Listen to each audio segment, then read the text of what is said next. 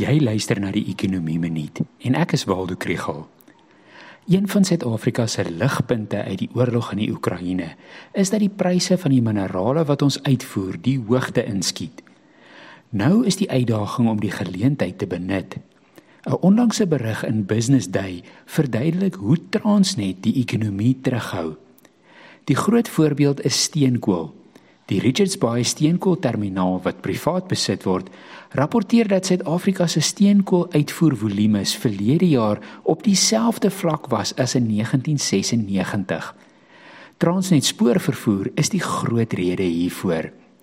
En die privaat sektor het probeer help deur te betaal vir ekstra sekuriteit om kabeldiefstal te keer.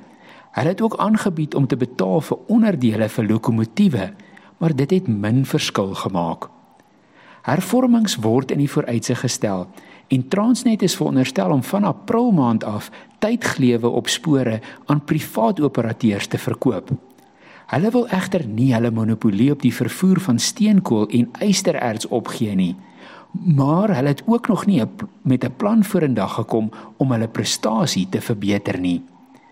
Hoë kommoditeitspryse kan 'n belangrike skokbreker wees vir die ekonomie maar dan moet ons die logistieke probleme probeer oplos. Wat nodig is om die ligte aan te hou, is 'n onderwerp vir 'n ander episode.